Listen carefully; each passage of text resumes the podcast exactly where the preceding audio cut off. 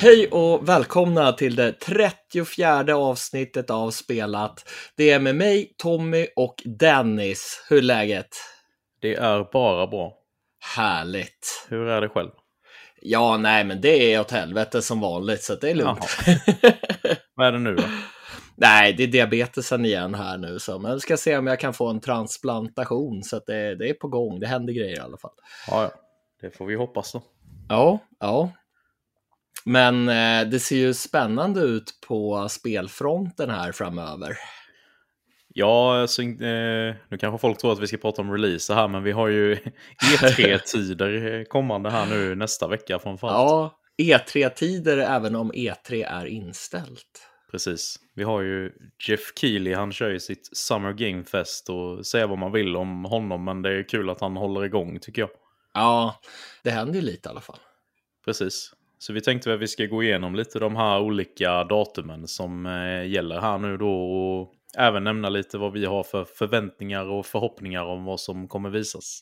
Ja. Så vi har ju redan, eh, redan denna veckan nu på torsdag här, eller natten till fredag, det vill säga vid midnatt då, så har ju, kör ju Playstation en sån här State of Play.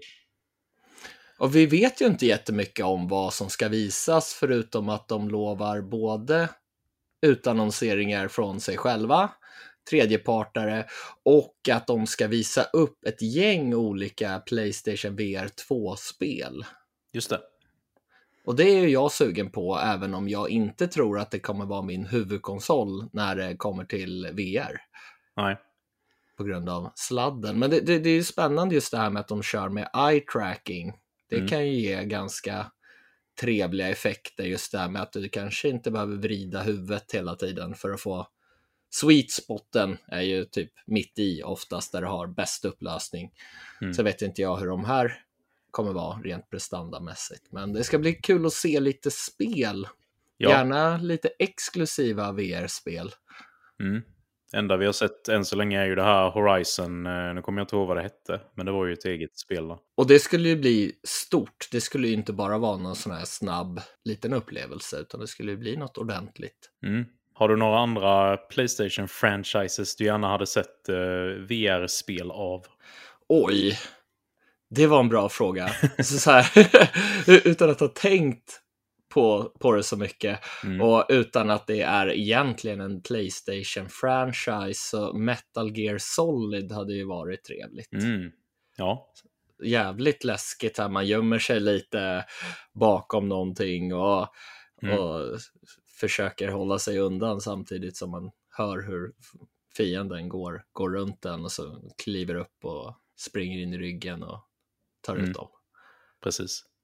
Själv då? Eh, ja, men nu när du säger Metal Gear där, jag tycker att Death Stranding skulle göra sig väldigt bra i VR, fast om man hade liksom haft mer av en typ tracksuit på sig så att man verkligen känner av när man går på de här olika terrängerna och när man Ah, trillar och allt sånt här. Och, och där är det också väldigt läskiga moment när man ska smyga runt bland de här monsterna och så. Det hade kunnat bli riktigt intensivt.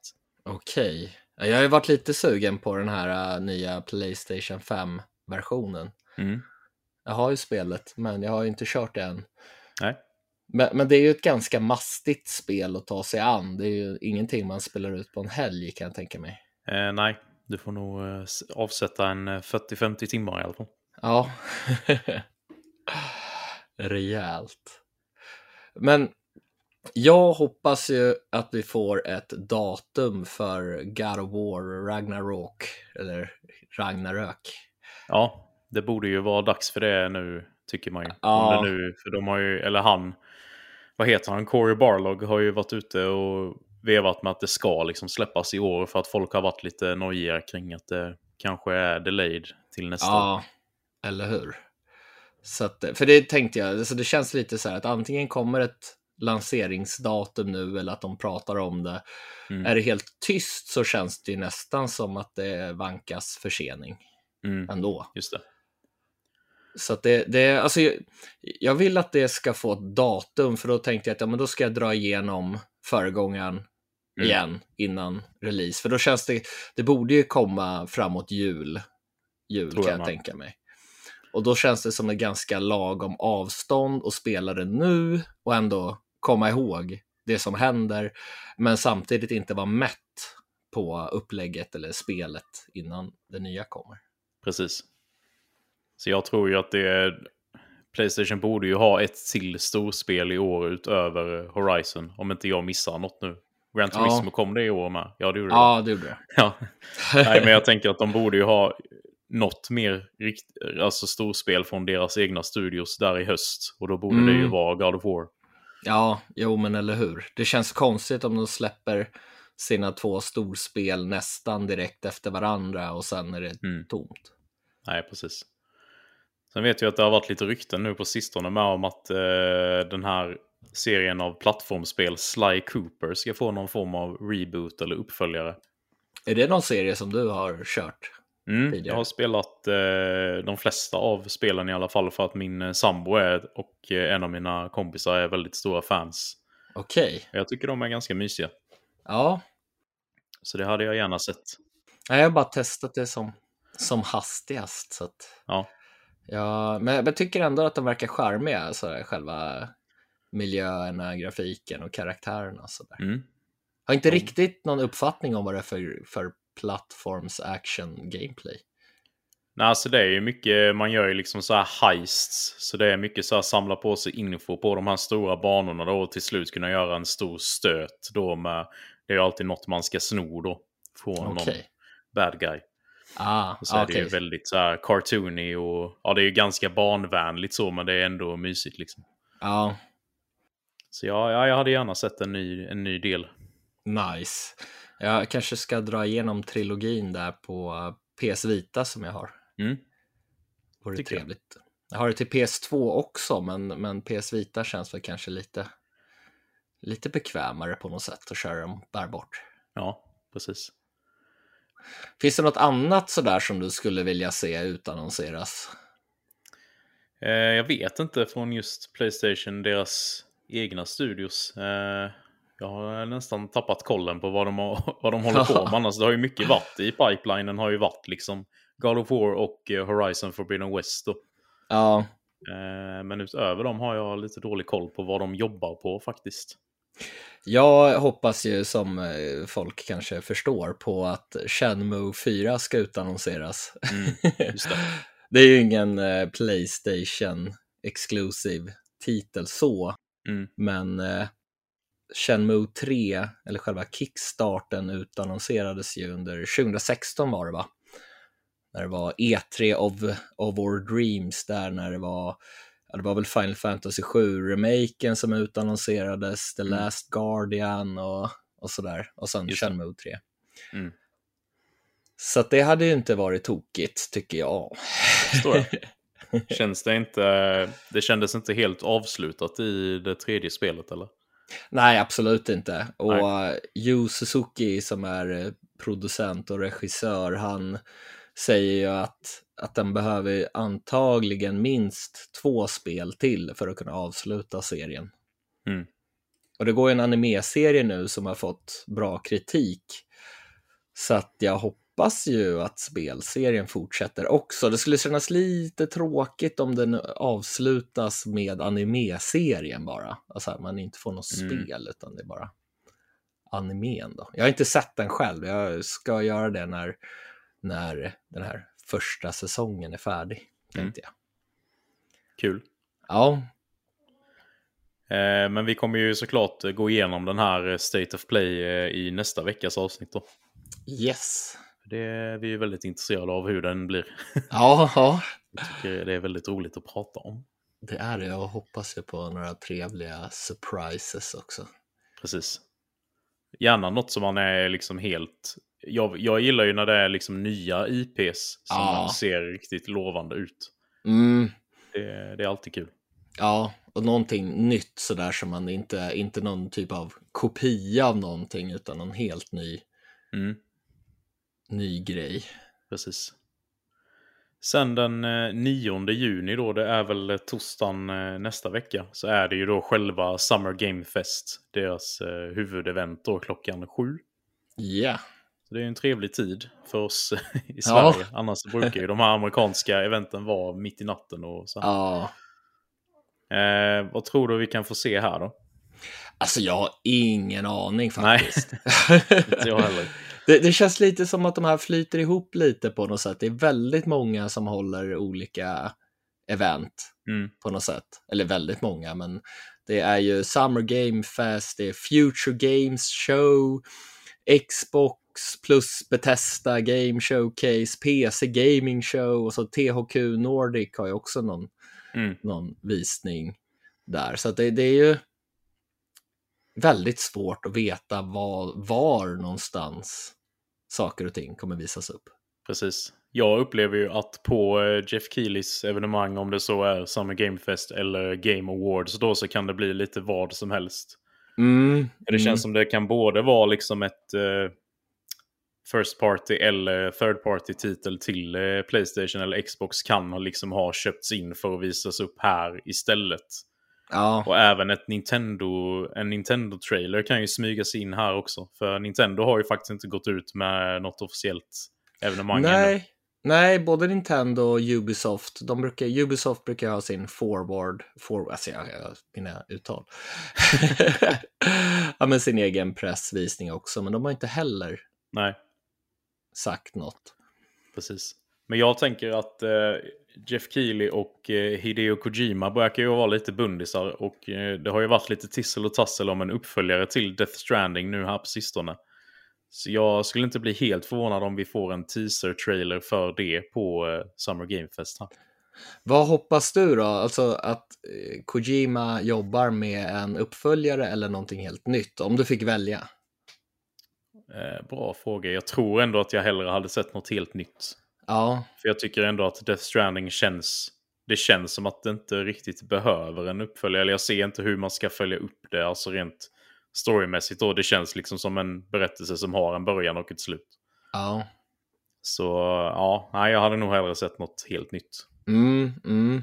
Eller då någon form av eh, remake på Metal Gear Solid-spelen då, så att de blir lite mer lättillgängliga. För jag är ju en av dem som inte har spelat den serien och som gärna hade velat ge mig på dem. Men de Ja. äldre titlarna där är ju inte så tillgängliga i dagens läge. Nej, nej. Metal Gear Solid, första spelet är väl ganska billigt till Playstation, men det känns väl ändå som att det är GameCube-versionen man vill spela och den är ju ganska dyr va? 800-900 tror jag att den kostar ungefär om man ska Precis. köpa ett X. Och det kanske man inte är beredd att betala om man inte samlar på spel bara för att Mm. spela igenom en remake som ändå är gammal. Ja, precis. Ja, det är ju egentligen bara det första jag inte har då av eh, huvudspelen. Så jag... Ja, Och jag gillar, samlar ju ändå lite på GameCube-spel, så egentligen borde jag ju eh, köpa den versionen så småningom. Men eh, mm. mm, det, vi får se. Sen hoppas jag på en utannonsering av Silent, ett nytt Silent Hill. Mm. Det har ju ryktats och tasslats och tisslats, tisslats. tisslats. Eh, jag har inte druckit alkohol. Mm. Ehm, Men eh, det kom ju ut några bilder som sades vara från en, en, ett nytt Silent Mm. Hill. Just det. Det, de såg väl kanske inte jättelockande ut, men, men ett nytt Silent Hill är ju, ja, den, den serien är ju en av mina absoluta favoritserier när det kommer till skräckspel. Mm. Det har ju gjorts många, vad ska man säga, inte kopior, men så här homage av, av Resident Evil och Silent Hill-spelen som Jo. liknar dem. Men Precis. originalen uppdaterade för dagens marknad skulle ju vara toppen med ett nytt Silent Hill. Mm. Så du, du vill hellre ha en eh, remake då än en ny del, eller? Alltså jag skulle vilja ha en reboot kanske. Ja. Mm. Ett helt nytt sätt att se på den här serien. Mm. Det behöver inte vara riktigt som de gamla utan mer anpassade för, för, för idag. Mm. Precis.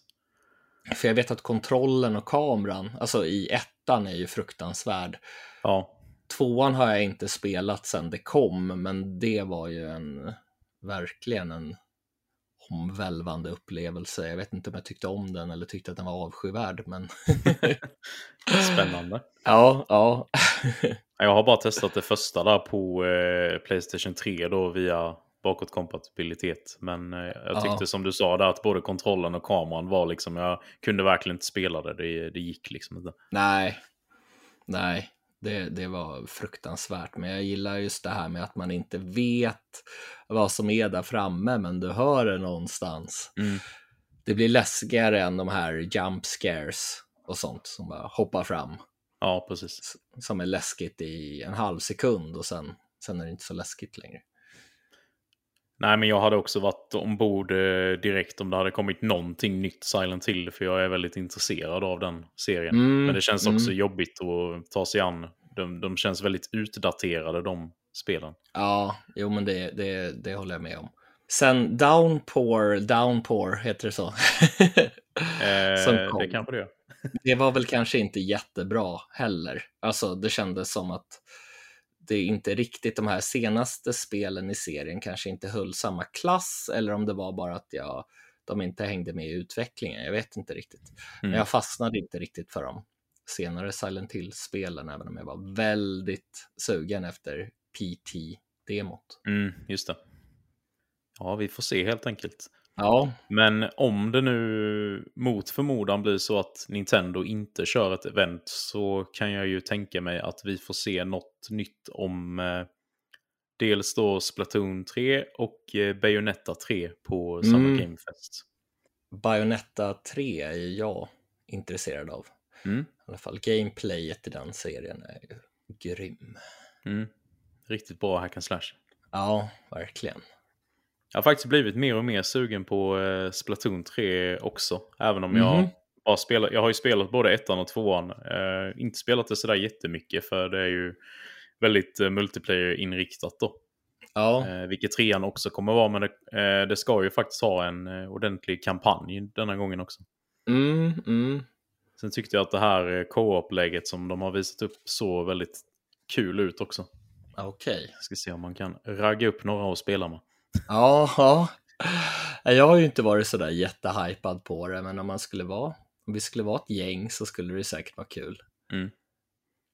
Sen är det ju som det är med Nintendos online-funktioner också. Det är ju lite halvdassigt i de flesta Ja. spel. Eh, Det är ju typ i Mario Kart, det funkar klockrent känns det som. Men i Okej. Super Smash Bros till exempel är det ju ständigt problem. Hör man om. Ja. Ja, men det är ju tråkigt. Alltså, det finns ju inte någon ordentlig chatt ens. Nej, precis. Det är också helt värdelöst. Ja. Man får köra Discord eller någonting. Liksom. Mm. De har ju en egen tjänst, men du ska ändå ha din mobiltelefon om du ska använda den. Ja, precis. Nej, men det ska bli spännande, så det får vi... Det blir nog mycket av de här konferenserna som vi pratar om i eh, näst, nästa avsnitt. Ja, Det kommer nog nästan ta upp eh, större delen av avsnittet, tror jag. ja, Eh, men eh, dagen är... Två dagar efter det, den 11 juni klockan eh, nio på kvällen så har vi ju det här Future Games Show då. Och där har väl inte vi riktigt koll på vad vi, vad vi kan vänta oss eller vilka företag som ingår där eller så. nej, nej. Jag tror det var Thunderful var nog del där tror jag. Ja, men de brukar ju ha ganska mycket intressanta Ja. spel. Mycket, mycket finurliga indiespel. Mm. Och det var ju också en väldigt trevlig tid också. Det är väl en lördag blir det va? Ah, Lördag okej. klockan nio. Så om man är hemma då så kan man ju kika in. Ja, och dagen efter där, 12 juni, så har vi ju två visningar till där. Precis. Ganska fina tider också. 19.00 kör ju Xbox och Bethesda Games Showcase igång. Mm. Och vad tror du vi kan förvänta oss där då? Blir det något nytt Elder Scrolls? Ja du, det är ju så himla svårt att säga för det känns som att de har skjutit upp alla sina spel nu till nästa år. Ja, Det var ju både nu här med Starfield och det här, eh, heter det Redfall, tror jag det heter, det här eh, mm, Arcane-spelet då. Så jag, jag har ingen aning faktiskt, men däremot, jag brukar tycka att deras konferenser är riktigt bra, för det brukar vara väldigt matigt liksom med spel efter spel. Även om Mm. det kanske inte är gameplay allting. Eh, Det är mycket förändrade trailers är det ju, men det är i alla fall mycket. ja, Och där bru- brukar bjudas på en hel del överraskningar också. Så den ser jag väldigt mycket fram emot. Mm, mm. Ja, det ska bli spännande. Vi är väl inte lika sugna på vad som händer 21.30 samma dag. Eh, nej. PC Gaming Show. Precis. Vi är inte så PC-speliga. Nej, tyvärr inte. Nej, även om vi, jag kör en del Xbox Game Pass mm. på PC så har jag ändå gått över till konsol och spelar på min Xbox One X. Just det. Men eh, det kanske utannonseras något trevligt där också. Men jag skulle gissa på att de kör mer PC Exclusives. Ja. Jag har ingen aning, nu eh, killgissar jag bara här. Ja, jag, nej, jag har, vet inte ens om jag har sett PC Gaming Show något av de andra åren. Så jag, det brukar liksom inte, jag, jag tänker att det inte är för mig i alla fall. Eftersom nej. jag inte spelar PC alls. Nej, samma här förutom Game Pass då. Mm.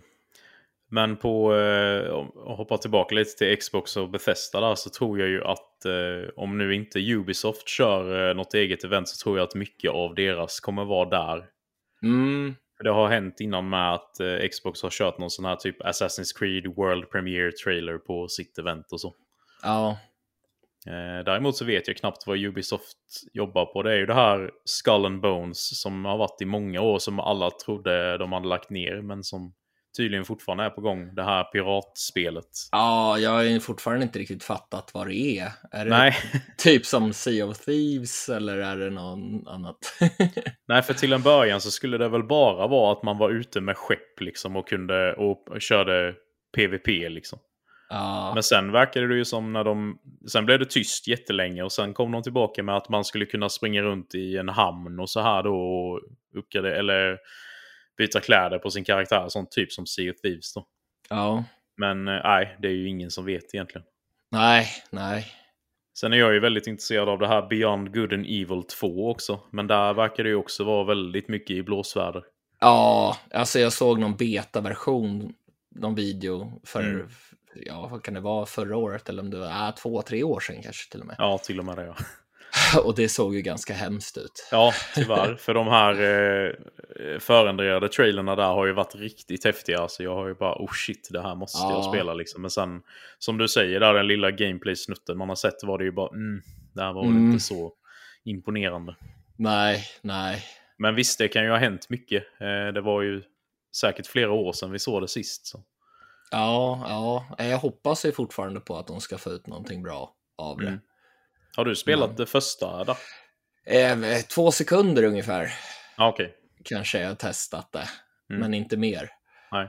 Men det, var ju, det är ju väldigt hyllat i alla fall. Mm, Fast det, det, kom ju till PS2, GameCube. Jag vet inte om det kom till Xbox också, första jo, Xboxen. jag tror det gjorde det. För eh, det fick i alla fall en HD-version till ja. 360. Där. Sen den har jag köpt på min nuvarande Xbox, men jag har inte spelat det ännu. Nej, men, men då känns det ju som att de måste göra något ordentligt hopp med serien nu när det har gått så många år. Mm. Det måste ha hänt mycket för att det ska vara, hålla en bra klass nu. Precis, men det ser ut att vara väldigt annorlunda mot det första. Mm, ja, av det gameplay man har sett. Så. Mm. Ja, vi får se helt enkelt. Ja. Sen har vi som du nämnde där då THQ Nordic Digital Showcase. Den är ju lite längre fram då i augusti. Den 12. Ja. Eh, de har jag inte heller så bra koll på. nej, nej, inte jag heller. det är väl de som publicerar Darksiders-serien. som jag det stämmer. de är, den, den är jag ju väldigt glad i, även om trean var helt okej. Mm. Jag vill ju, de släppte ju det här Genesis som var ett mer top-down eh, shooter typ. Ja. Eh, eller Dungeon Crawler RPG, lite Diablo-aktigt då, som var... Det var helt okej, okay, men jag vill ha ett ordentligt Darksiders eh, 4 då med Strife, som är den enda man inte har fått spela i eh, originalserien. Då. Ja, det kändes ju lite Zelda-aktigt, men med en annan, en annan miljö, eller vad man ska säga. När ja. jag spelade första spelet. Precis, det är ju verkligen eh, hack and slash blandat med eh, Zelda Dungeons. Så ja. det, det tickar många boxar hos mig. Ja. Även om det kanske inte är... Alltså det är väl inte su storbudget superspel liksom. Men det, jag bara tycker de är mysiga typ. Mm. Ja, det känns väl lite mer som dubbel A än trippel A kanske. Ja, ja, he helt klart. Så det är väl det jag hade velat se. Sen är det väl ett nytt Steamworld-spel på gång med väl? Nu kanske det, Det- är under Thunderful där visserligen. Ja, ja, Från de här Image Form, eller vad de heter. Precis. Och det skulle väl vara i 3D nu första gången har jag för mig. Kommer jag inte ihåg vad det spelet hette. Nej, nej, vi pratade ju om det lite kort Mm. i något avsnitt, men jag kommer inte ihåg Nej. mer än så. Nej, så det är väl det jag kan tänka mig att det kanske kommer där på THQ då, eller om det är på Future Games Show. Ja, Vi får se. det får vi göra. Vi, vi håller er uppdaterade i alla fall. ja, det gör vi. Och eh, vill, vill man inte höra om det i podden så eh, kan man spola fram. Ja, precis. Funkar skitbra. Ja. Eh, sen har vi också två events till där då eh, i slutet av och efter sommaren. Det är ju Gamescom och Tokyo Game Show. Och Precis. To- Tokyo Game Show är väl du och jag väldigt intresserade av. Där brukar ju vara mycket rollspel och Ja, trevligheter. jo, men det känns som det kan komma väldigt trevliga utannonseringar. Oftast har de ju kört med engelsk översättning nu också. Mm.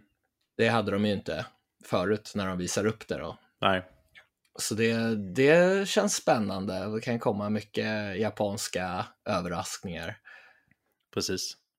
Det var ju också en grej som skulle vara nu att de eh, Final Fantasy 16 har, var det ju någon av utvecklarna där som sa att en trailer borde komma väldigt snart.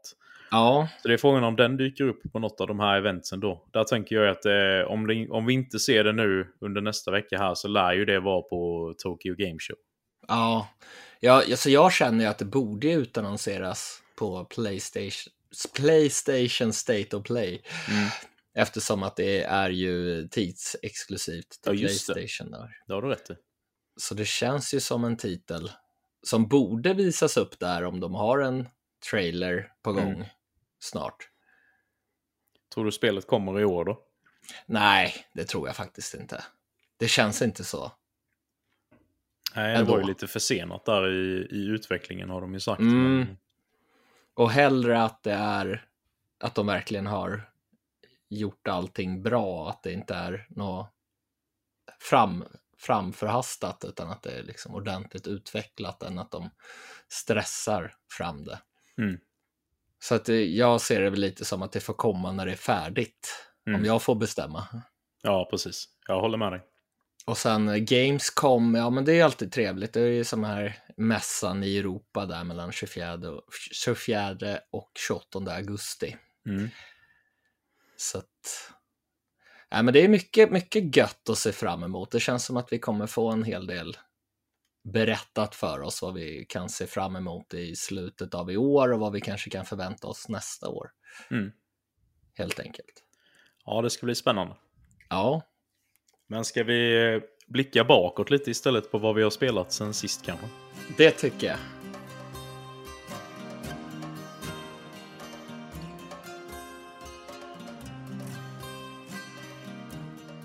Vad har du lirat den här veckan då? Har lirat ett, eh, ett rollspel på 3DS som heter Fire Emblem Fates. Oh, Jag blev så, det har varit mycket Fire Emblem-snack runt omkring mig på sistone så jag blev så sjukt sugen på att dra igång ett. Eh, Jag Ja. fick, fick ju tag på det här spelet eh, via min systers kille då för han, han höll på att rensa lite inför att de ska flytta. Han bara ah, du har ju sagt i din podd att du, att du gillar Fire Emblem. Jag Ha. bara ja. Han bara ja men du kan få de här spelen då. Ah, fan vad schysst. Ja, det var riktigt eh, nobelt. Så jag fick ju både detta då och eh, Awakening som jag redan hade digitalt. Då. Ja, nice. Så nu har jag gett mig på detta. Eh, och det är ju ett ta- taktiskt eh, rollspel från Intelligent Systems. Det är väl de som har gjort alla delar i serien.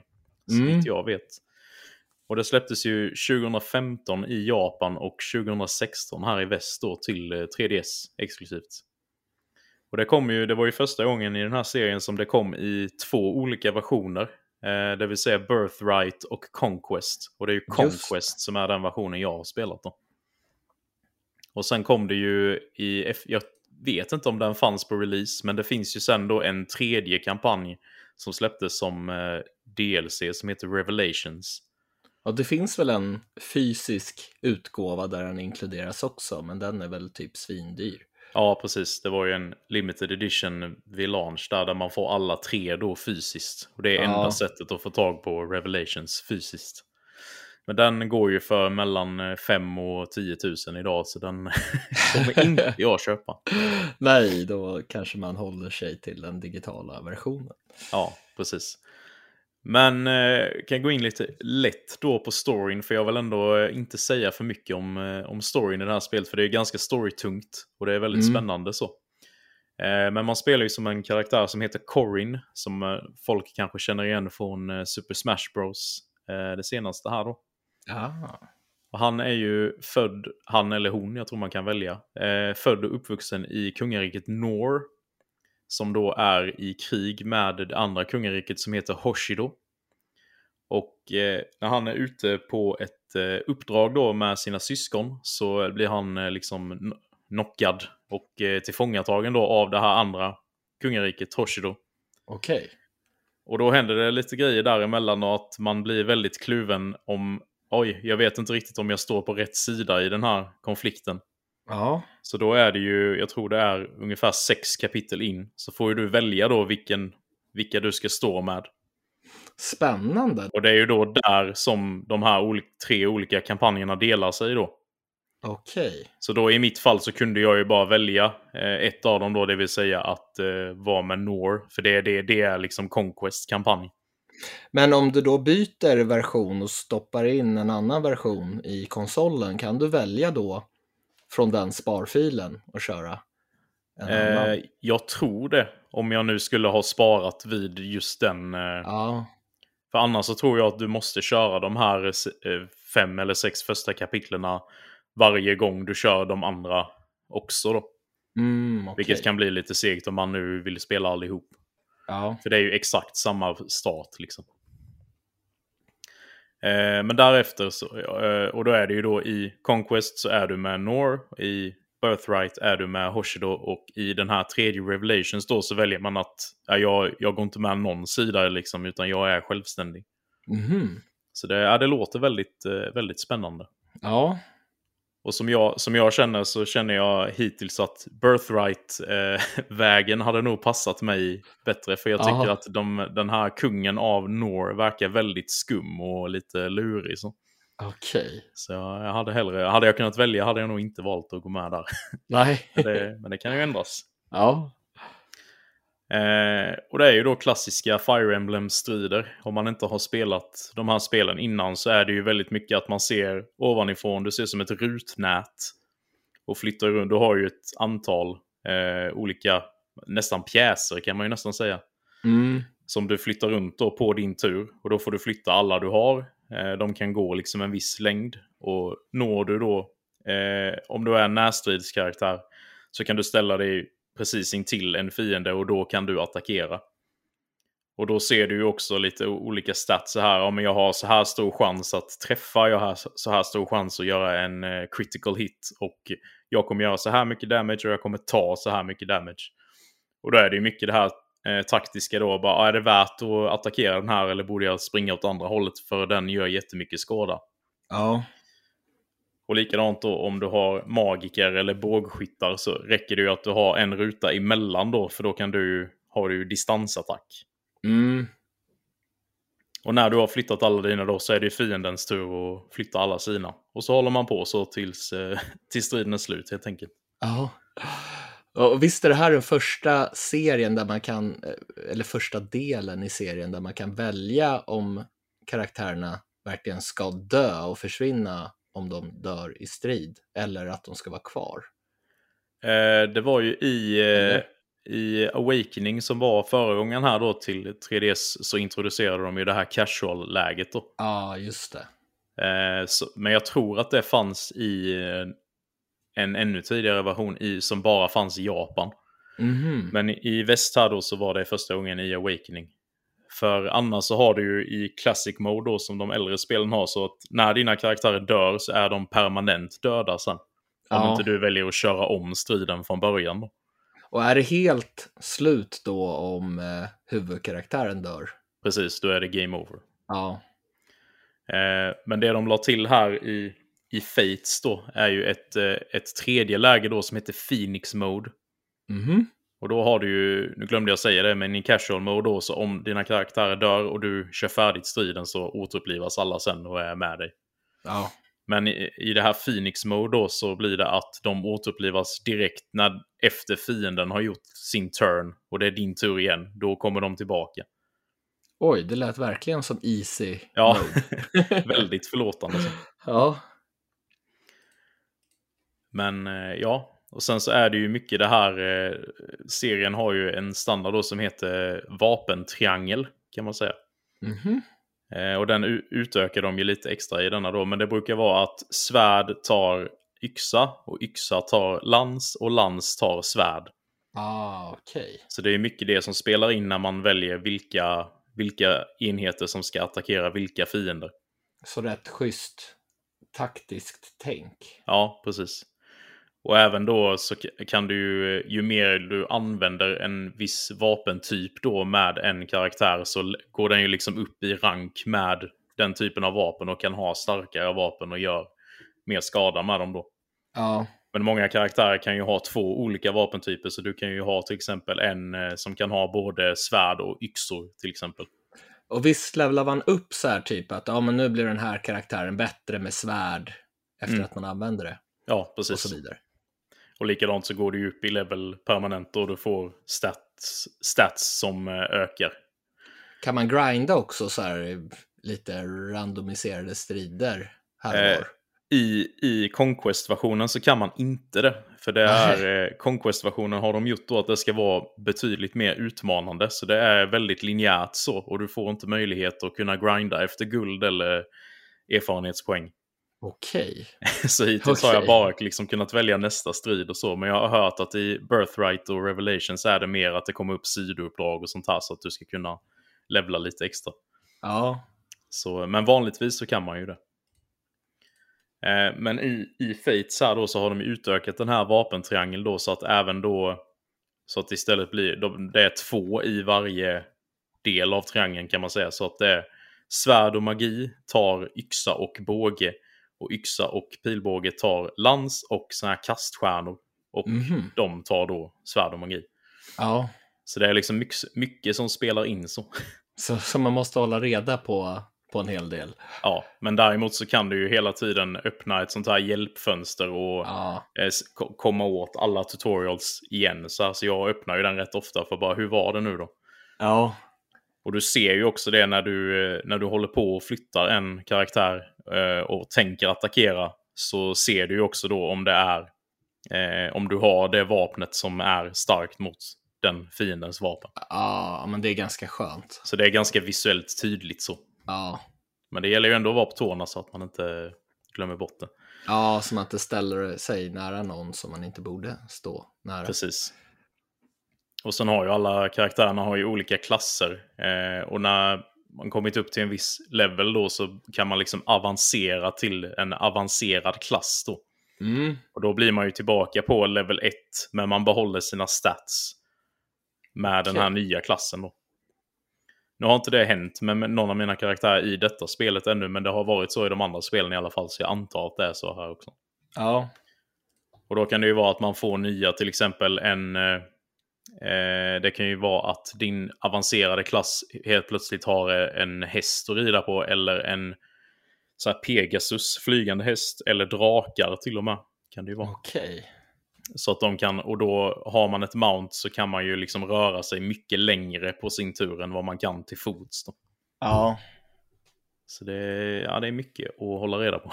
Ja. Det låter ju extremt avancerat förstår jag, men jag tycker ändå att det, alltså alla, alla grejer introduceras i en väldigt bra takt. ja. Så det, ja, det- men det är inte så extremt jobbigt att ta sig an ändå. Men om man säger att ja, man spelar och sen så kanske man har ett uppehåll på en månad av någon Mm. anledning. Så finns det ändå tydligt beskrivet. Man kan gå in och kolla hur var det nu igen.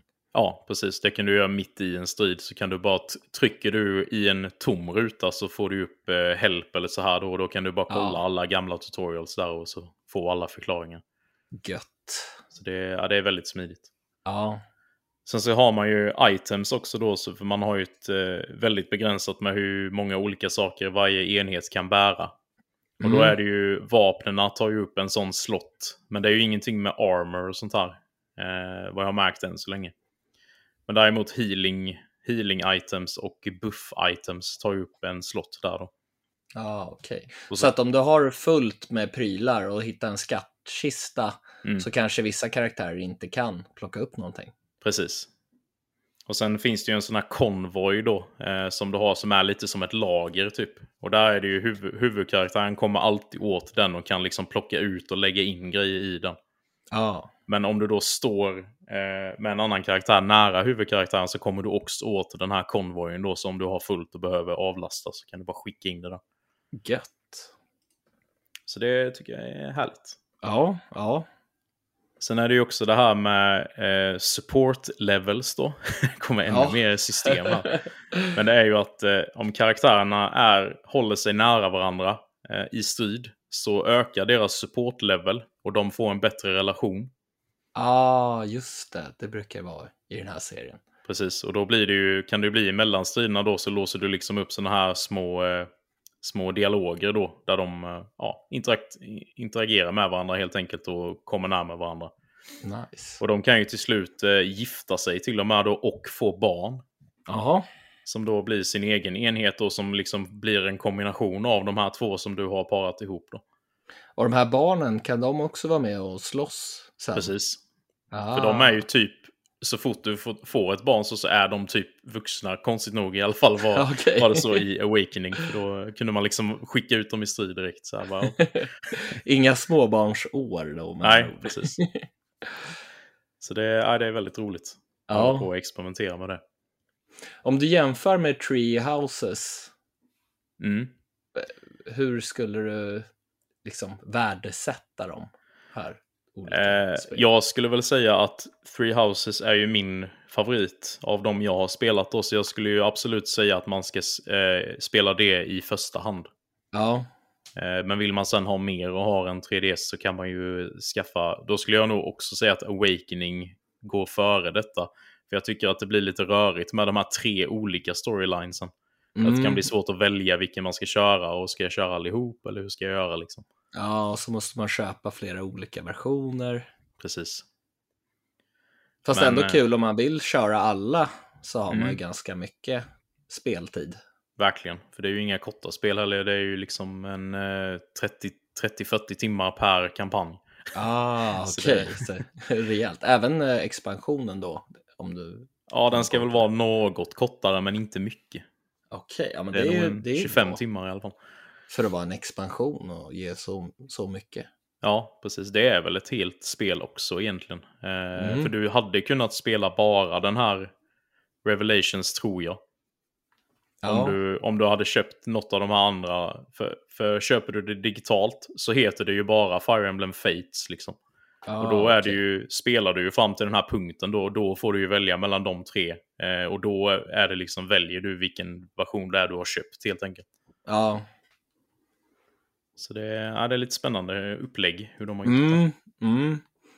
Så Conquest ska man skaffa om man vill ha rejält med utmaning. Precis.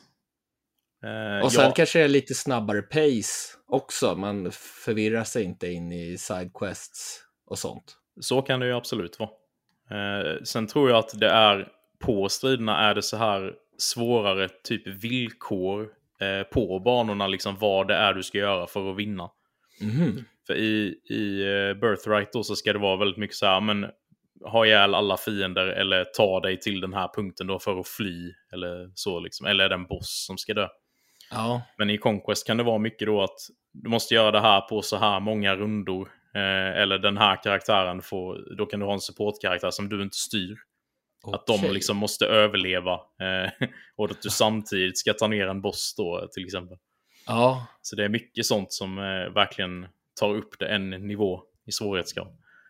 så det här är typ eh, Fire Emblems Elden Ring. Ja, lite så kanske. Förutom Open World-grejen då. Mm. Precis. Sen har de ju också en grej då som är eh, nytt och vad jag tror är exklusivt i Fates då. Det är en grej som heter Dragon Vein.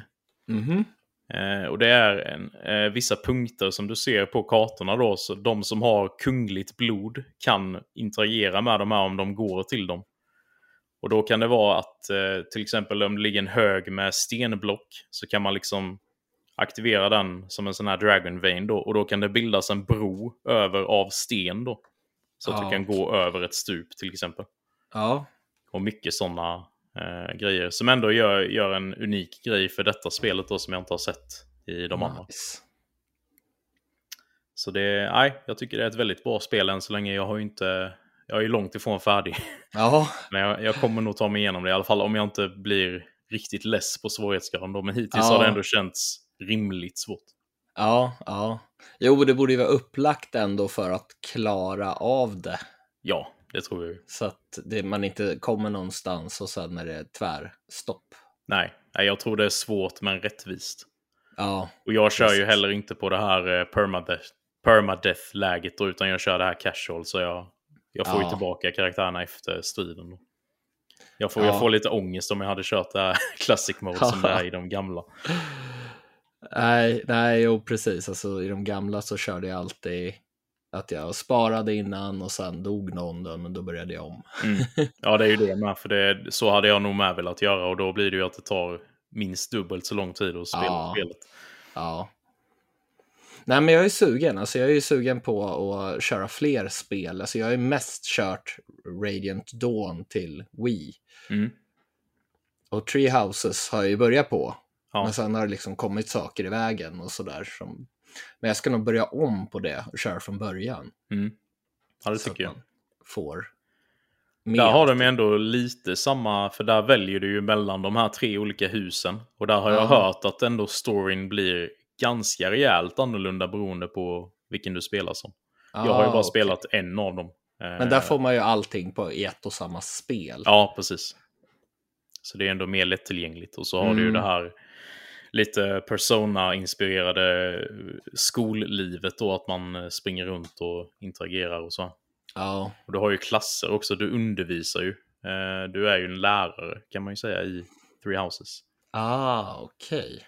Jag kommer inte ihåg sådär jättemycket. Jag har kört så här, ja, men lite där och lite där, så det har blivit Mm. så här styckat. Så Ja. att eh, jag ska nog börja om.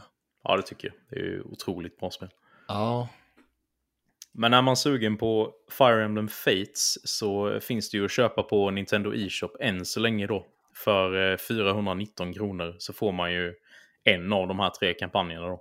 mm. Och sen kostar ju, om man vill då köpa till de andra två, så är det 200 kronor styck för dem. ja okej. Men vill man däremot köpa Conquest eller Birthright fysiskt då så är det ju 400 kronor och uppåt. Du hittar ju det inte nytt liksom, utan det är ju begagnat då. Men om man köper det fysiskt, kan man köpa det digitalt då, en annan version för 200 spänn? Ja, precis. Ja. ja Så det valet har ju jag att göra nu. Mm, mm. Jag funderar ju på att köpa de andra två innan e-shoppen eh, stänger. Ja. Eller i alla fall eh, Revelations då. Eh, Birthright kanske jag vill ha fysiskt så småningom. Ja, Men det är absolut en rekommendation. Men eh, som sagt, Three Houses är ju mycket mer lättillgängligt och eh, enligt mig ett bättre spel. Så jag spelar det i första hand. nice.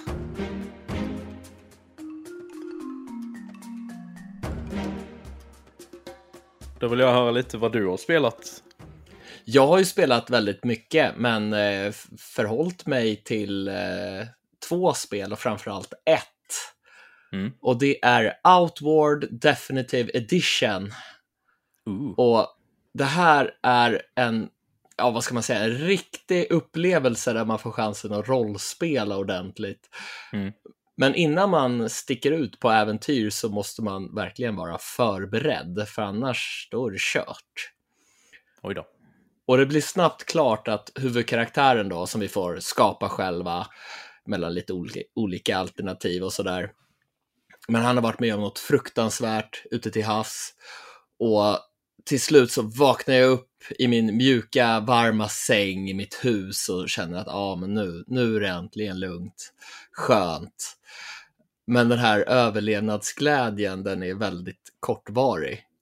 För direkt när jag kliver ut i den här lilla byn Siersos så står dess invånare där och kräver tillbaka en skuld. och jag måste betala tillbaka den här på ett eller annat sätt inom några dagar för att jag ska få behålla mitt hem. Oj. Och, och, och, det är ingenting sådär som, ja men det här tillhör huvudstoryn så det, det funkar. Utan de menar allvar. Och eh, kan jag inte betala tillbaka då får jag inte heller bo kvar där. Och då tappar jag min utgångspunkt, min hubb, där jag kan förvara föremål eller här, sova för att få full maxhälsa och stamina och jag kan laga mat här. Och det, det blir väldigt viktigt i det här spelet. Mm. Misslyckas jag med det här då, då finns sätt. Det är inte kört att kunna få tillbaka den här hubben, men det, det, är verkligen så där man sätts på tårna på en gång och då samtidigt som jag försöker lära mig hur det här spelet fungerar så um, ja, jag, jag, kan inte bara stå still och göra saker jag inte borde göra utan det gäller att sätta igång direkt. Ja, press. ja, verkligen. Men den här definitiva versionen då, och Outward, det är inte något Skyrim eller Witcher 3. Även om det skulle kunna tolkas som det om man bara ser bilder och kanske några videoklipp och sådär. Mm. Utan det här är en betydligt mer utmanande historia. Även om, alltså upplägget, det ska inte förväxlas, förväxlas med spel som Elden Ring. Nej. Men eh, men innan vi ger oss ut då på vårt första uppdrag så gäller det som sagt att förbereda sig ordentligt. Och vi kan både köpa och skapa utrustning och vapen med hjälp av recept som, ja, de här recepten innehåller då ingredienser som finns i den här spelvärlden. Mm. Och vi kan bland annat slåss mot fiender då, odjur oftast, eller människor, lite olika så man får ingredienser och grejer som kan vara bra att ha. Och för att kunna lokalisera sig då så finns det en karta. Mm. Men det finns ju absolut ingen markör för var du är. Nähä. Så att du får förlita dig på kompass och landmärken och platser med ordentliga namn som man kan se på kartan och så kanske det står en skylt där, ja men nu är du här. Okej, okay, mm. jag behöver gå nordväst till exempel. Mm. Då får man försöka liksom lokalisera sig och sen kanske försöka hitta någon ny punkt där man vet var man är. Så det är väldigt sådär, i början tyckte jag det här var irriterande när jag ja. absolut inte hittade någonting, jag kände inte igen mig någonstans. Sen så har du varit ute och seglat lite i Sea of Thieves och blivit bekant med karta och kompass. Ja, eller hur? så att jag lärde mig. Ja.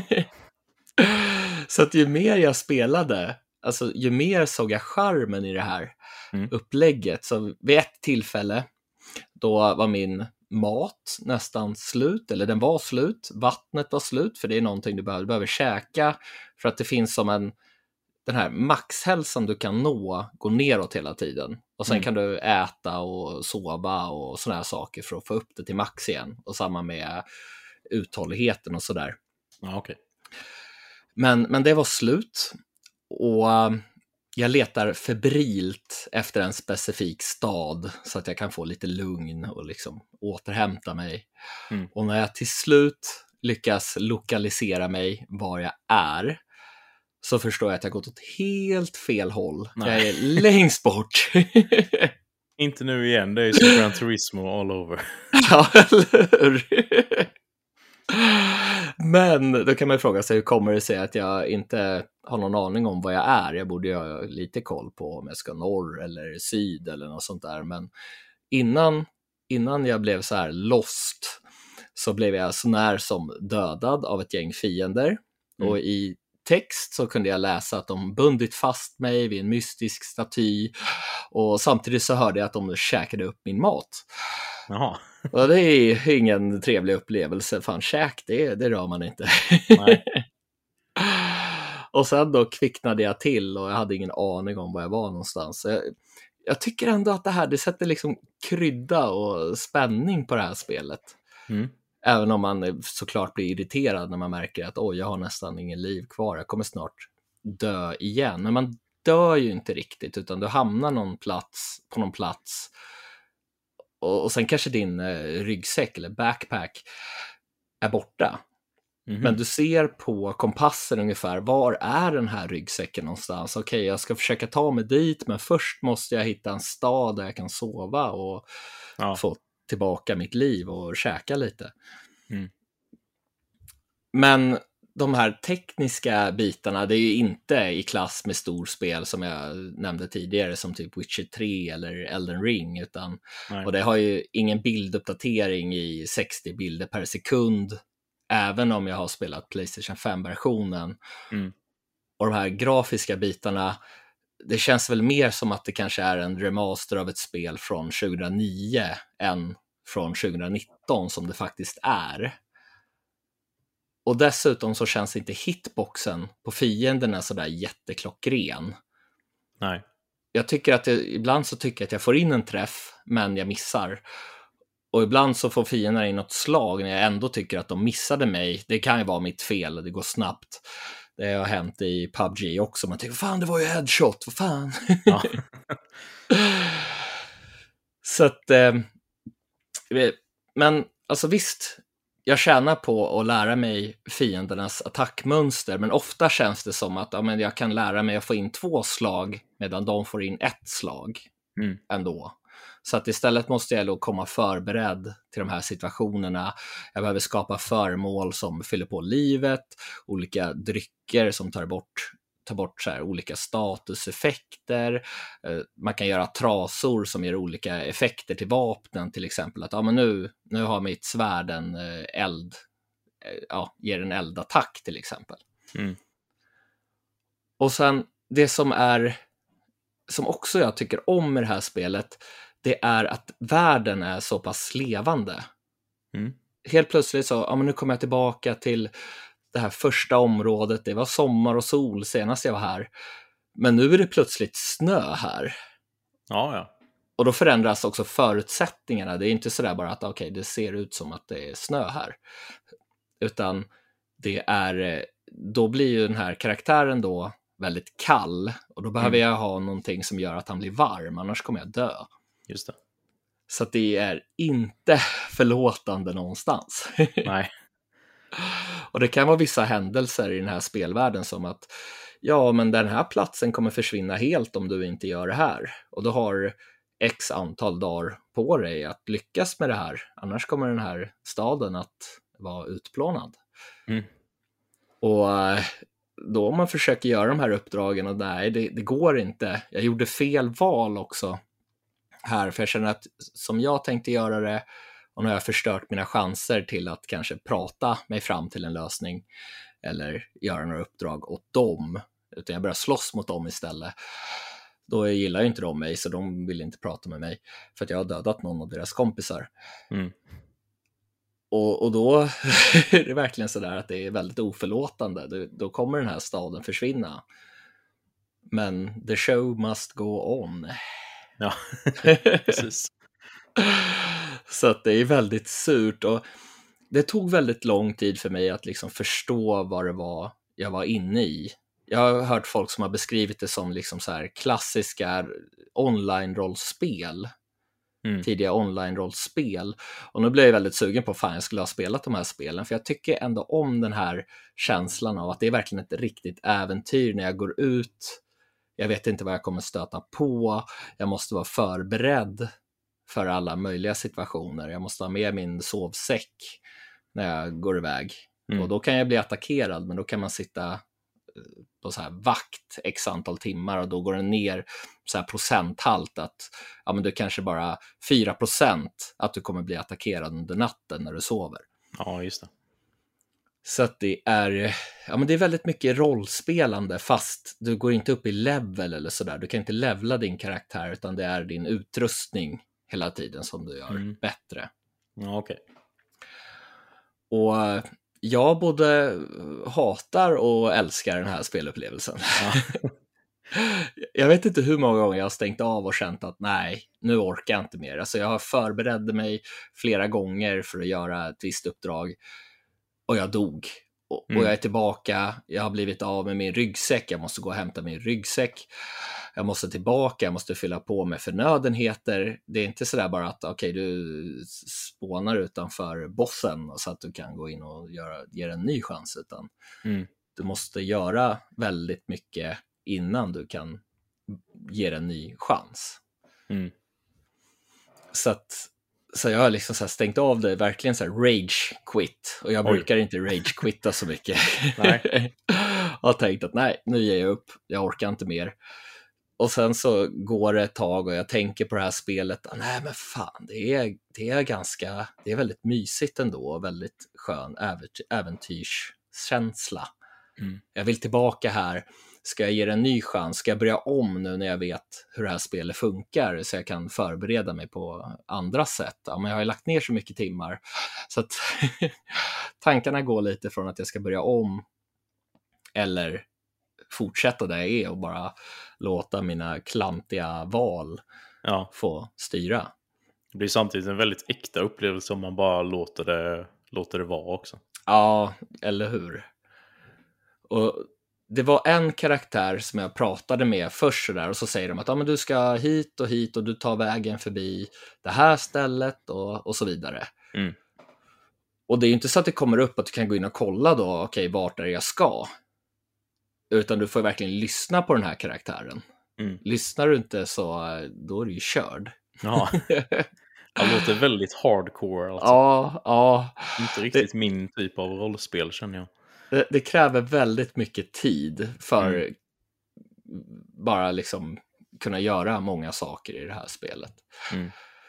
Så att eh, det är väldigt belönande. När jag, när jag lyckades med mitt första uppdrag, ordentliga uppdrag, då, då kändes det ju jättebra Mm. helt plötsligt. Det är klart.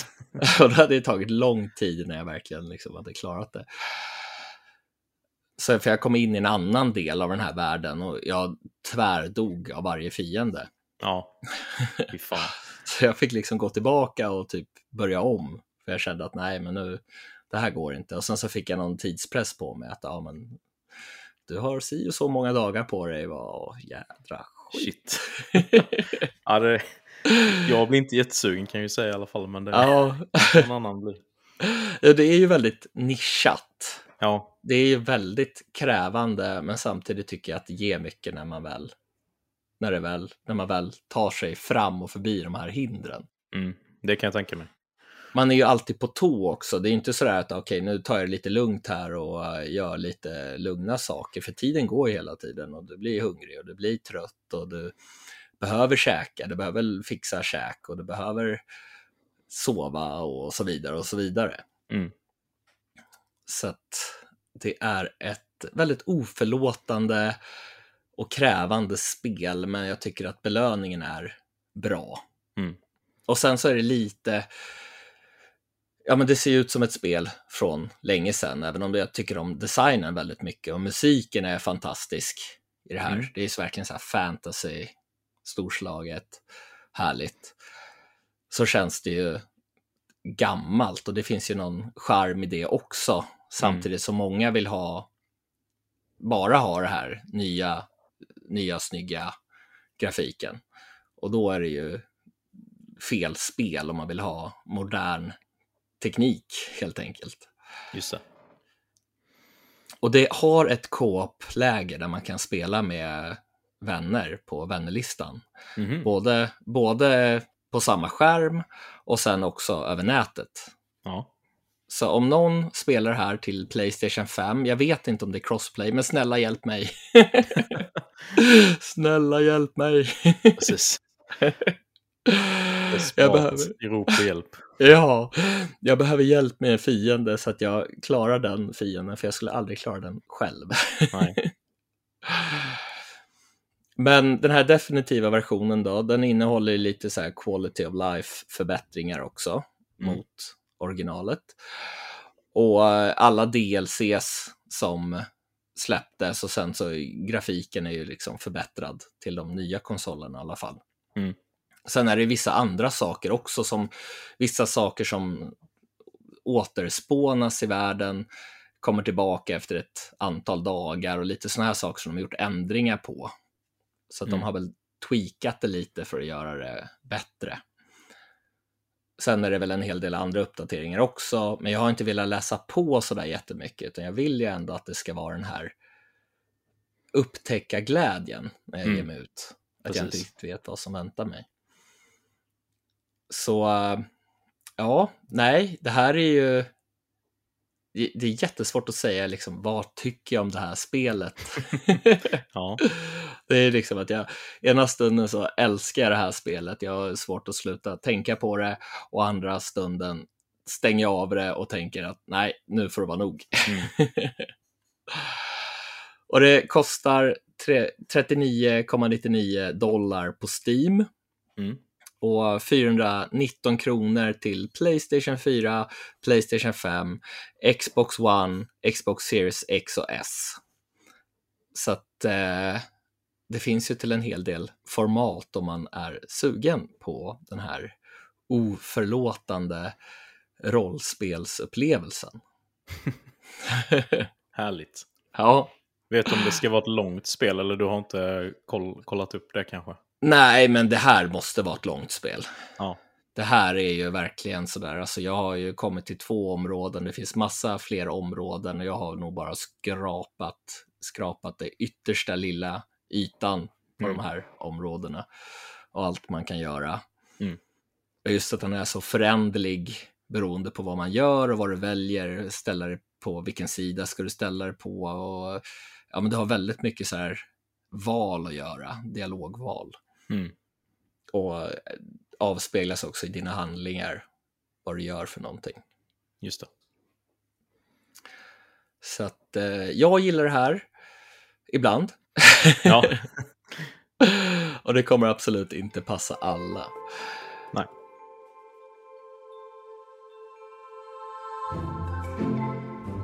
Sen har vi ju spelat ett spel båda två. Mest du tror jag. ja.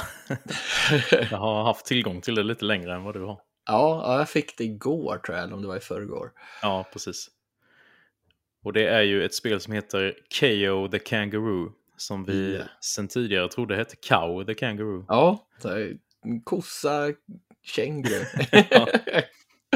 Jag tänker att KO är nog liksom att det ska låta som KO. Du vet i boxning så knockout. Ja, ah, just det, för han är ju boxare. Ja, precis. Eller han använder boxhandskar i alla fall. Ja, ja, Eh, Men eh, ja, det är ju inte helt självklart med stavningen då. Eftersom det stavas. K-A-O. Men det är det Eh. de säger i alla fall i... Ja, precis. Och det är ju en eh, 3D action platformer. Eh, som är en genre som inte, där det inte kommer ut spel sådär jätteofta. Så det, jag blir alltid glad när jag ser ett nytt plattformsspel i alla fall. Mm, Och detta är ju en reboot då av, eh, för det här är ju tydligen en serie som har funnits innan. Är det en serie Ja. du hade koll på sen innan? Ja, alltså jag har ju hört den här serien. Jag har inte spelat det själv, men eh, jag har ju sett det. Jag tror i alla fall att det släpptes till GameCube. Mm. Har jag för mig. Jag tyckte jag såg något om att det har varit på Dreamcast. Ja, ja, just det. Ja, det var lite därför jag tänkte det här kanske Tommy har spelat. Då. ja, nej, nej, jag har inte testat det Nej. till DC. Men den här rebooten är i alla fall utvecklad och publicerad av eh, Tate Multimedia. Och det handlar ju då om eh, KO som bor på Hoppaloo Island har jag för mig att eh, det heter. Ja, Hoppaloo säger man kanske. eh, och han eh, har ju då en dröm eh, där han eh, jagar sin syster som i verkligheten då har försvunnit efter att hon gett sig av för att hitta deras eh, försvunna pappa då, Kobe. Och eh, efter han har haft den här drömmen då så bestämmer han sig för att jag måste, jag måste följa efter min syster liksom och hjäl- hjälpa henne, hon behöver mig. mm. Och då eh, säger hans mamma att du måste ta hjälp av eh, koalabjörnen Walt. Som är Ja. en så här gammal, jag vet inte, han är väl någon kampsportsmästare av något slag. Mm. Så han blir ju ens, eh, ens mentor då kan man säga. Och eh, när man har gett sig ut på den här resan då så hittar man ju eh, ett par magiska boxhandskar som har någon form av eh, ande i sig då. Som Ja. pratar med KO. Han verkar inte jättesnäll, men jag vet inte. Nej, lite så här dryg på, Ja. på något sätt. Men, och han, eh, koalabjörnen där då, Walt, han säger ju att du får absolut inte använda de här handskarna för de, de gjorde så att din pappa råkade illa ut liksom. Men det verkar ju som att eh, KO då på något sätt är utvald till att kunna hantera de här handskarna och utnyttja dess fulla potential. Typ. Ja, han verkar ju typ bli polare med de här anden i handskarna. Mm, precis. Och det är ju då ganska klassiskt eh, 3D-plattformar där man har fyra olika världar eh, som är som hubbvärldar då där du sen går in i olika banor som är ganska stora banor. Och det, för att komma in i de här banorna så måste man samla på sig runor då som både finns inne på banorna och eh, i, i hubbvärldarna då helt enkelt. Så man behöver ett visst antal för att låsa upp en viss bana. Jag ska säga att jag tyckte att det var skönt att det verkar som att man hittar alla de här runorna i banorna. Alltså de är väldigt lätta att hitta. Mm. Det är inte så att de är gömda Nej, direkt precis. så att du måste spela om vissa banor. Precis. Så det är, det är ganska lätt att ta sig fram i spelet. Ja, Sen där finns det ju väldigt mycket andra collectibles då. Eh, och det är väl egentligen där utmaningen ligger. För det är ju framförallt de här bokstäverna på banorna som kan vara väldigt gömda. Eh, vad får man om man hittar en KO? Om man får K, A och O. eh, man får ingenting vad jag har kunnat eh, hitta. Det, du har ju utöver dem och runorna då så har du ju också mynt, kristaller, extraliv och hjärtbitar. Ja, hjärtbitarna så får du ju mer liv. Mm, och du kan hittar hitta, fyra. ja precis. Och sen kan du hitta lite information om typ eh, olika karaktärer och fiender och sånt där. Ja just det, det är ju sådana scrolls som ger lore typ. Men de här gemsen man hittar, Mm. Vad gör de? Vet? Nej, de kristallerna verkar inte heller ha någon form av funktion alls. Eh, för jag eh, kollade faktiskt på en videorecension från IGN om detta för, för att jag ville se om de hade... Och de påpekade också det att de här, eh, både då bokstäverna och kristallerna gör absolut ingenting mer än att ja, om du vill 100% av spelet då så måste du samla dessa. Ja, okej. Men de ger dig ingenting in-game. Nej. Men däremot de här mynten då kan du ju samla till att handla från eh, shops då in, in, inne i spelet där du kan köpa både extraliv och eh, hjärtbitar och även då eh, kläder till karaktären. Mm. Så det är, ju, det är ju också någonting, men egentligen så räcker det att samla de här runorna så kommer du ju vidare och då, som du sa då så stöter man ju på dem ganska lätt. Ja. Så det är väl egentligen inte ett särskilt utmanande spel som, men det är också väldigt lättsmält och trevligt tycker jag. Ja, alltså det är ju ganska mysigt. Ja. Men min första upplevelse Ja, med spelet var panik. nu börjar jag prata. Ja. Du kan ju inte invertera kontrollen så att du, när man trycker neråt så tittar han uppåt och tvärtom. Mm. Och vi är väl ett dussintal som spelar på det sättet. Ja, precis. Du, du är väl den andra jag stött på i hela mitt liv tror jag som använder inverted ja, kamera. jag vet inte varför jag börjar med det, men så är det. Ja, Jag kommer inte ihåg om det var något flygspel eller någonting, men det blev ju skitsvårt att kunna känna att man har kontroll över Mm. kameran. Höger och vänster funkar bra, men när jag behöver titta uppåt eller neråt eller liksom finjustera kameran så tittar jag ju ofta åt fel håll ja och känner mig väldigt yr och konstig. precis. Så att det, det var ju liksom en, okej, jag kommer inte kunna spela det här upplevelse. Nej, Men, men sen visar det sig att det, det är ju inte jätteviktigt att kunna styra upp och ner i det här. Nej det känns inte som det. Det är väl främst höger och vänster egentligen. Ja, Det är inte så mycket man behöver titta upp. Nej, och det är ju, ibland ska man ju kasta vissa saker och då är det ju så här auto-aim på. Mm. Den låser ju sig på målet. Ja, rätt skönt faktiskt. Ja, ja. I den här typen av spel så eh, är det ju nice. Ja, faktiskt.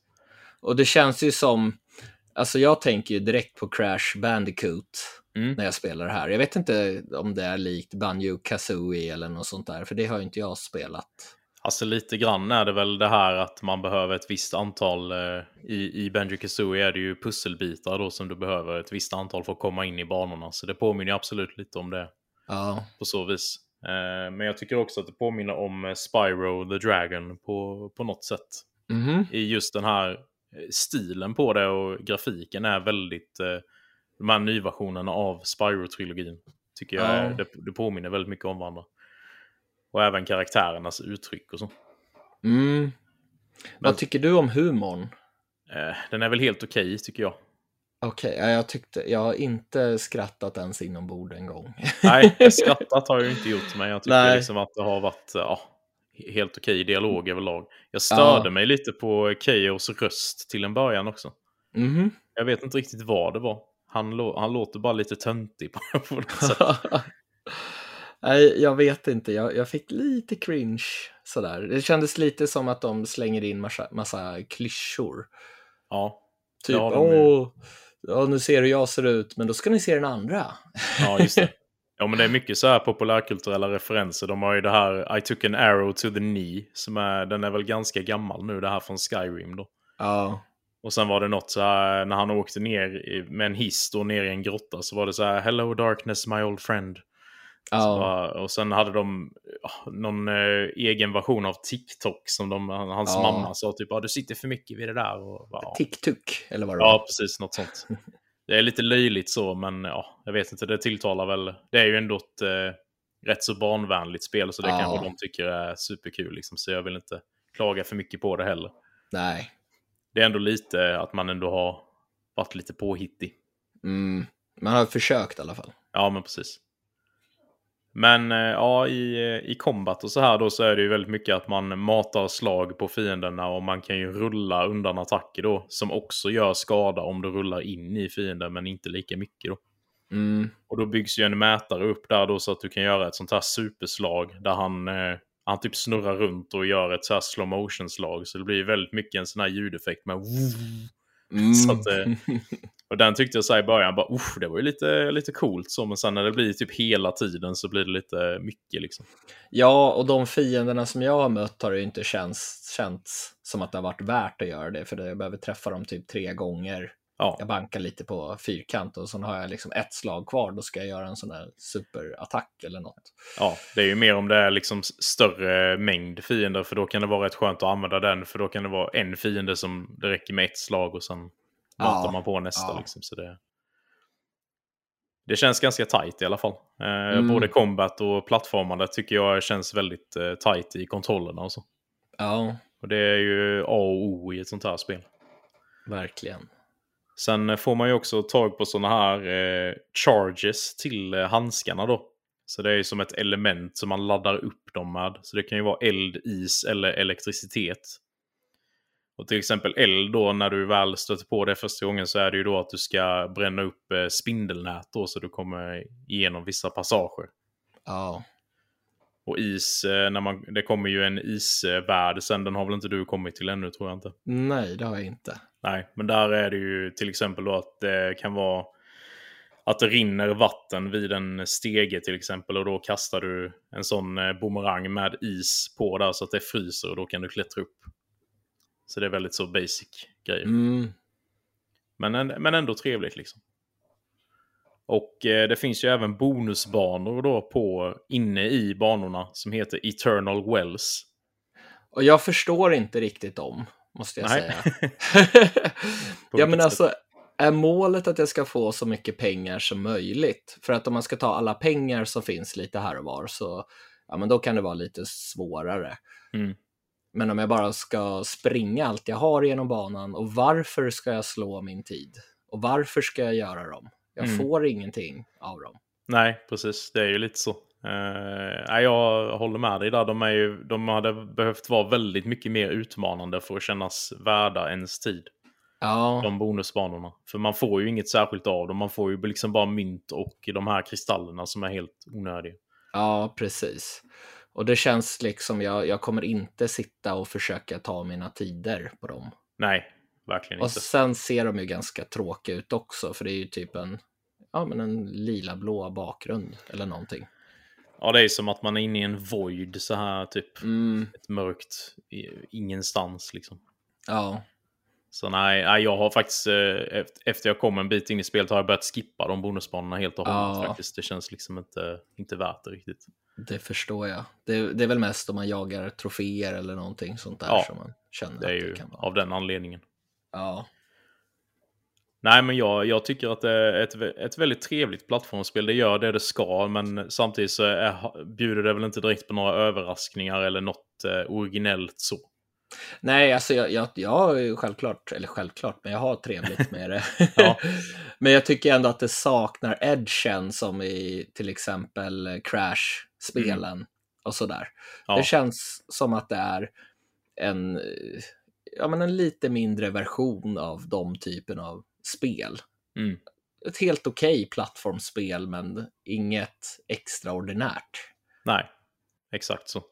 Eh, Jag tycker ju att det hade mått bra av att ha lite olika svårighetsgrader. Faktiskt, Mm. så att man hade kunnat... För det är lite väl lätt. eh, Ja. Är det ju.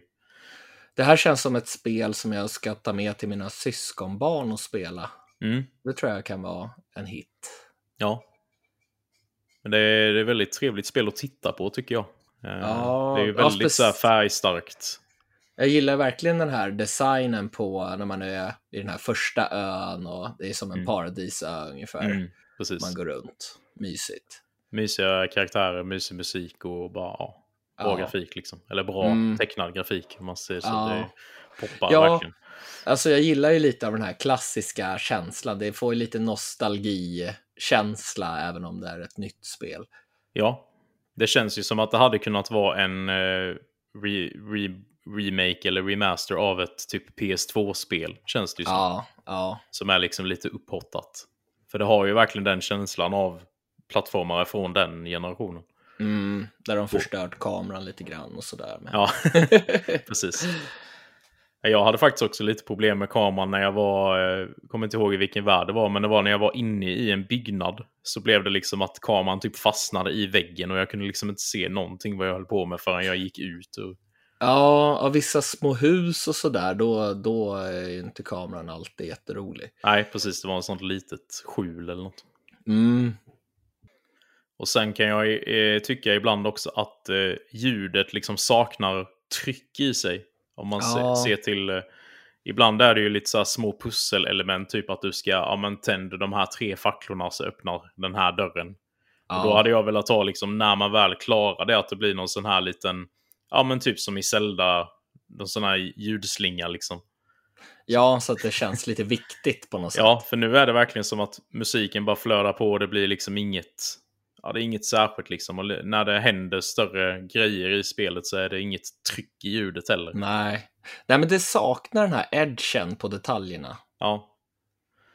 Det känns som de har lagt hela sin eh, ljudbudget på de här slow motion-slagen. Ja, Den där sub subwoofen får jobba som fan vid varje gång man använder den. men det är också en väldigt liten utvecklare vad jag har förstått som har gjort det här spelet.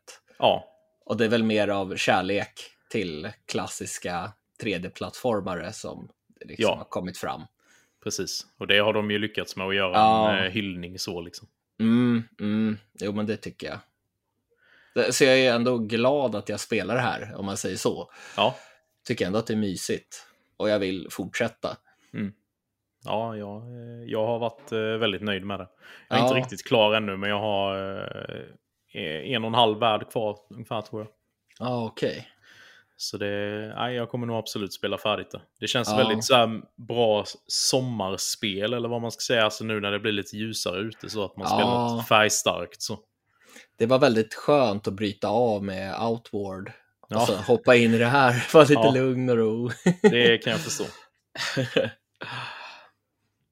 Men eh, ja, jag, jag rekommenderar det om man vill ha en schysst eh, 3D-plattformare. Liksom, om man redan har spelat alla de här Crash och Spyro och Mario och alla de här. Det kommer ju inte Ja. vara på samma nivå som dem, men det, det stillar ändå ett behov. Liksom.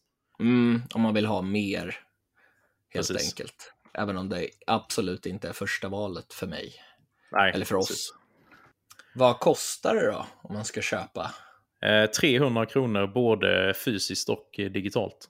Ja, men det är ju trevligt och det känns ju som en bra prislapp att utgå ifrån för det här. Ja, det tycker jag verkligen. Och det finns ju då till eh, PC, Switch, PS4, PS5, Xbox One och Xbox Series X och S. Allt. Ja, allt.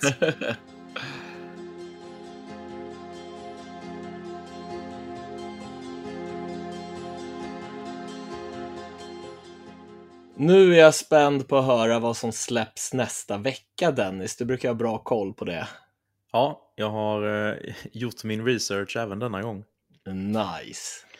Eh, de gjorde ju ett litet eh, announcement här nu att eh, den här uppföljaren till eh, Star Wars Jedi Fallen Order blev ju annonsad nu till slut. Ja, Eh, Jedi Survivor ska den ju heta då och komma nästa år. ja nästa vecka trodde du skulle säga. Jag tänkte bara jäklar. Precis, Shadow Drop. ja. Eh, nej, men det hade ju varit rykten om att den skulle komma i år. Men Ja. det blev ju inte så. Som med Nej. mycket annat. Mm. Men ungefär samtidigt då så annonserade de ju istället att eh, Star Wars Knights of the Old Republic 2 The Sith Lords kommer till Nintendo Switch eh, den 8 juni. Ah. Det är ju ett av de här två eh, Bioware-rollspelen då. Ja. Som jag inte har spelat. Jag inväntar ju den här rema- remaken av det första. Då. ja, jag älskade det första och jag är inte ens någon Star Wars-fan. Men sen gick min första Xbox sönder. Det blev typ som någon så här konstig, vad ska man säga, Myrornas krig, eh, fast med färgerna från spelen. Ja, fan. Ja. Jättekonstigt. ja. Och sen köpte jag en ny. Och då fick jag börja om. Så det blev aldrig att jag körde klart det. Nej. Men fruktansvärt spännande spel. Mm. Du är inte intresserad av uppföljaren då? Ja, lite grann. Jag har väl hört lite sådär att det inte är riktigt lika bra som ettan. Mm. Hörde jag då när det släpptes. Ja, jag har hört samma. Men jag är ju mer sugen på att köra ettan först innan jag går över på tvåan. Just det.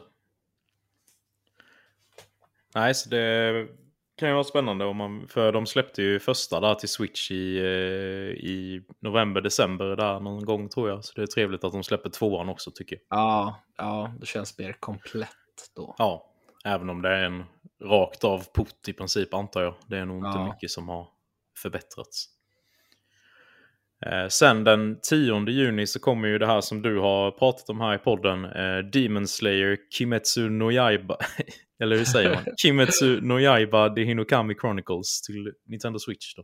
Ja, det var inte bara jag som hade problem med det. Nej, det var så långt med som man Ja. hakar upp sig. Men det var en bra, bra try. Ja, tack. Ja, ja, jo, men alltså jag... Uh. jag tyckte väl att det var så där. Alltså, Ja. storyn är ju bra, men se hellre animen och fighting-sekvenserna var ändå intressanta. De var ju Mm. bra. Så att, eh, jo men ja, ett helt okej Ja. animespel om man säger så. Mm. Jag tycker ju att de här eh, an- anime-spelen brukar vara så... Det är verkligen bara fight en mot en hela tiden. Och Mm. Jag vet inte, det ser så tråkigt ut i min bok. Och så är det ofta samma story som man redan kanske sett i, i mangan eller animen då. Ja, I detta ja, fallet är det ju definitivt eh, exakt samma story. Ja, det är verkligen så. Mm. Men animen är ju snyggare och där är det ju mer story såklart. Ja, det blir väl ganska kortfattat här i spelet har jag förstått det som. Ja, i början fattade jag ju inte mycket för då hade de ju klippt bort hela Ja, introt, nej, typ. precis.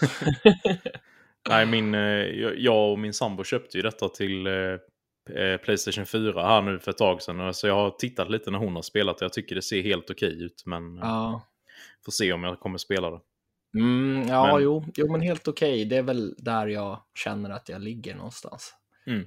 Men serien däremot, oj oj oj, titta på den. Om ni, Ja. om ni vill se en riktigt bra anime. Jag, jag blev ju lite fed up, lite trött och lite sådär eftersom att jag spelade, jag tittade på serien Ja. lite före spelet och så spelade jag samma sak jag precis hade sett. Ja, Men jag, jag ska nog hoppa på serien igen och skippa spelet. ja, det låter som en bra idé. Och sen kanske spela spelet senare när jag Mm. har... Eller jag har ju spelat spelet, men Ja. köra det igen Ja, det. när jag har sett serien. Liksom, så här. Mm. Samma dag så kommer ju ett eh, storspel från Nintendo med den nya Mario Strikers Battle League. Ja, Hur känner du inför detta? jag är ju lite sugen på det ändå. Mm. Men eh, de, mina kompisar som bor nära, de är ju typ absolut inte intresserade av spel. Nej. Och det känns ju som Nintendo-spel vill man köra live i typ i soffan med folk. Mm. Och de jag spelar med bor långt härifrån. Så Mm. att eh, jag väntar nog lite med det. Mm. Själv då? Eh, Jag tror att jag kommer köpa det ändå. Eh, Ja. Försöker ju hoppa på mina Nintendo-spel. Så jag tror att jag kommer köpa det och se lite vad jag tycker om det. Och eventuellt sälja av det om jag inte tycker det är kul. Ja, Jag spelade ju Mario Strikers till GameCube ganska mycket med min eh, lilla syster då. Eh, och det vill jag minnas var roligt, även om jag inte kom ihåg så mycket av det. ja det har jag kört en del då också, men jag har kört med min, eh, en av mina systersöner här nu Mm. Det var ju riktigt kul. Han var väldigt duktig. Ja, härligt. Jag fick stryk. Nej, det verkar ju vara ett väldigt eh, online-fokus i detta spelet också, vilket känns lite ovanligt för Nintendo. Ja, det kanske kan vara en eh, grej för, för vi har kört Fifa nu och vi är väldigt irriterade på att det är så självspelande och Ja, sist var alla sura på spelet. ja.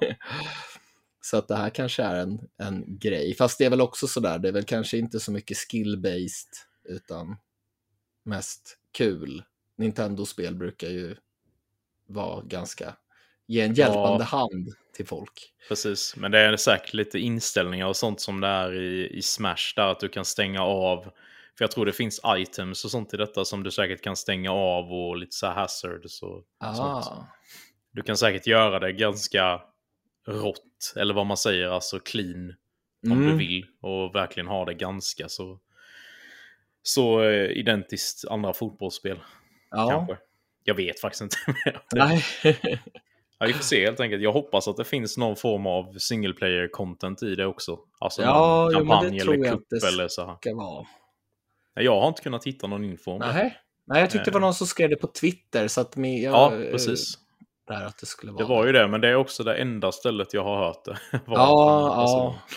Ja, Så eh, ja, men jag, ska, jag ska försöka köpa på mig det och prata om det här i alla fall. nice. Det sista spelet här då som eh, också kommer den 10 juni är ju det här The Quarry. Som vi har Ja. snackat om lite innan. Det är väl eh, den här, eh, från, vad heter studion nu? Åh, jag vet ju exakt vad de heter, men just nu har jag ingen koll. Men jag... Nej.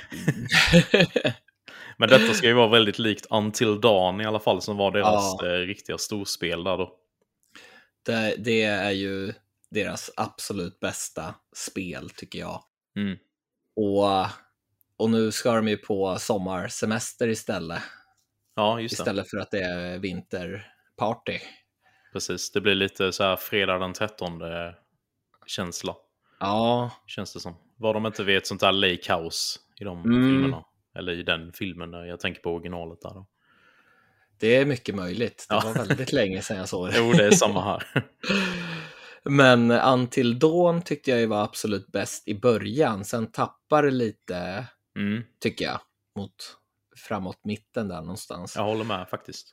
Så att om de kan knyta ihop hela spelet på ett riktigt snyggt sätt så skulle det ju faktiskt kunna slå Until Dawn som jag ändå tycker var ett sjukt bra spel. Mm. Väldigt eh, charmigt ska jag väl kanske inte säga så, men det var väldigt Nej. atmosfäriskt. Ja. ja, men det är ändå charmigt med den här eh, klassiska slasher Ja. ungdomsskräckfilm-feelingen har de ju ändå satt charmen med. Det har Ja. ju ändå någon, sin charm på något sätt. Eller hur? Men eh, The Quarry kommer då till Playstation 5, Xbox Series X och S, Playstation 4, Xbox One och PC. Sjukt spännande. Vilket datum sa du att det var? Eh, 10 juni. Ah, Så det är ju fredag nästa vecka. ja. Fredagen den 13 höll jag på att säga, men det var det inte. Nej, 10 nästan. ja, Det var allt vi hade för idag. Eh, tack så mycket för att ni har lyssnat och eh, vill ni komma i kontakt med oss så kan ni ju mejla till oss på spelatpodcast at gmail.com. Snyggt. Eller så kan ni följa oss på eh, Spelat Podcast på Facebook och Instagram. Och det går också ah, utomordentligt bra att gå med i vår Discord. Där det ständigt är goda diskussioner om både podden och eh, allt möjligt annat helt enkelt. Och tills nästa gång. Spela massor.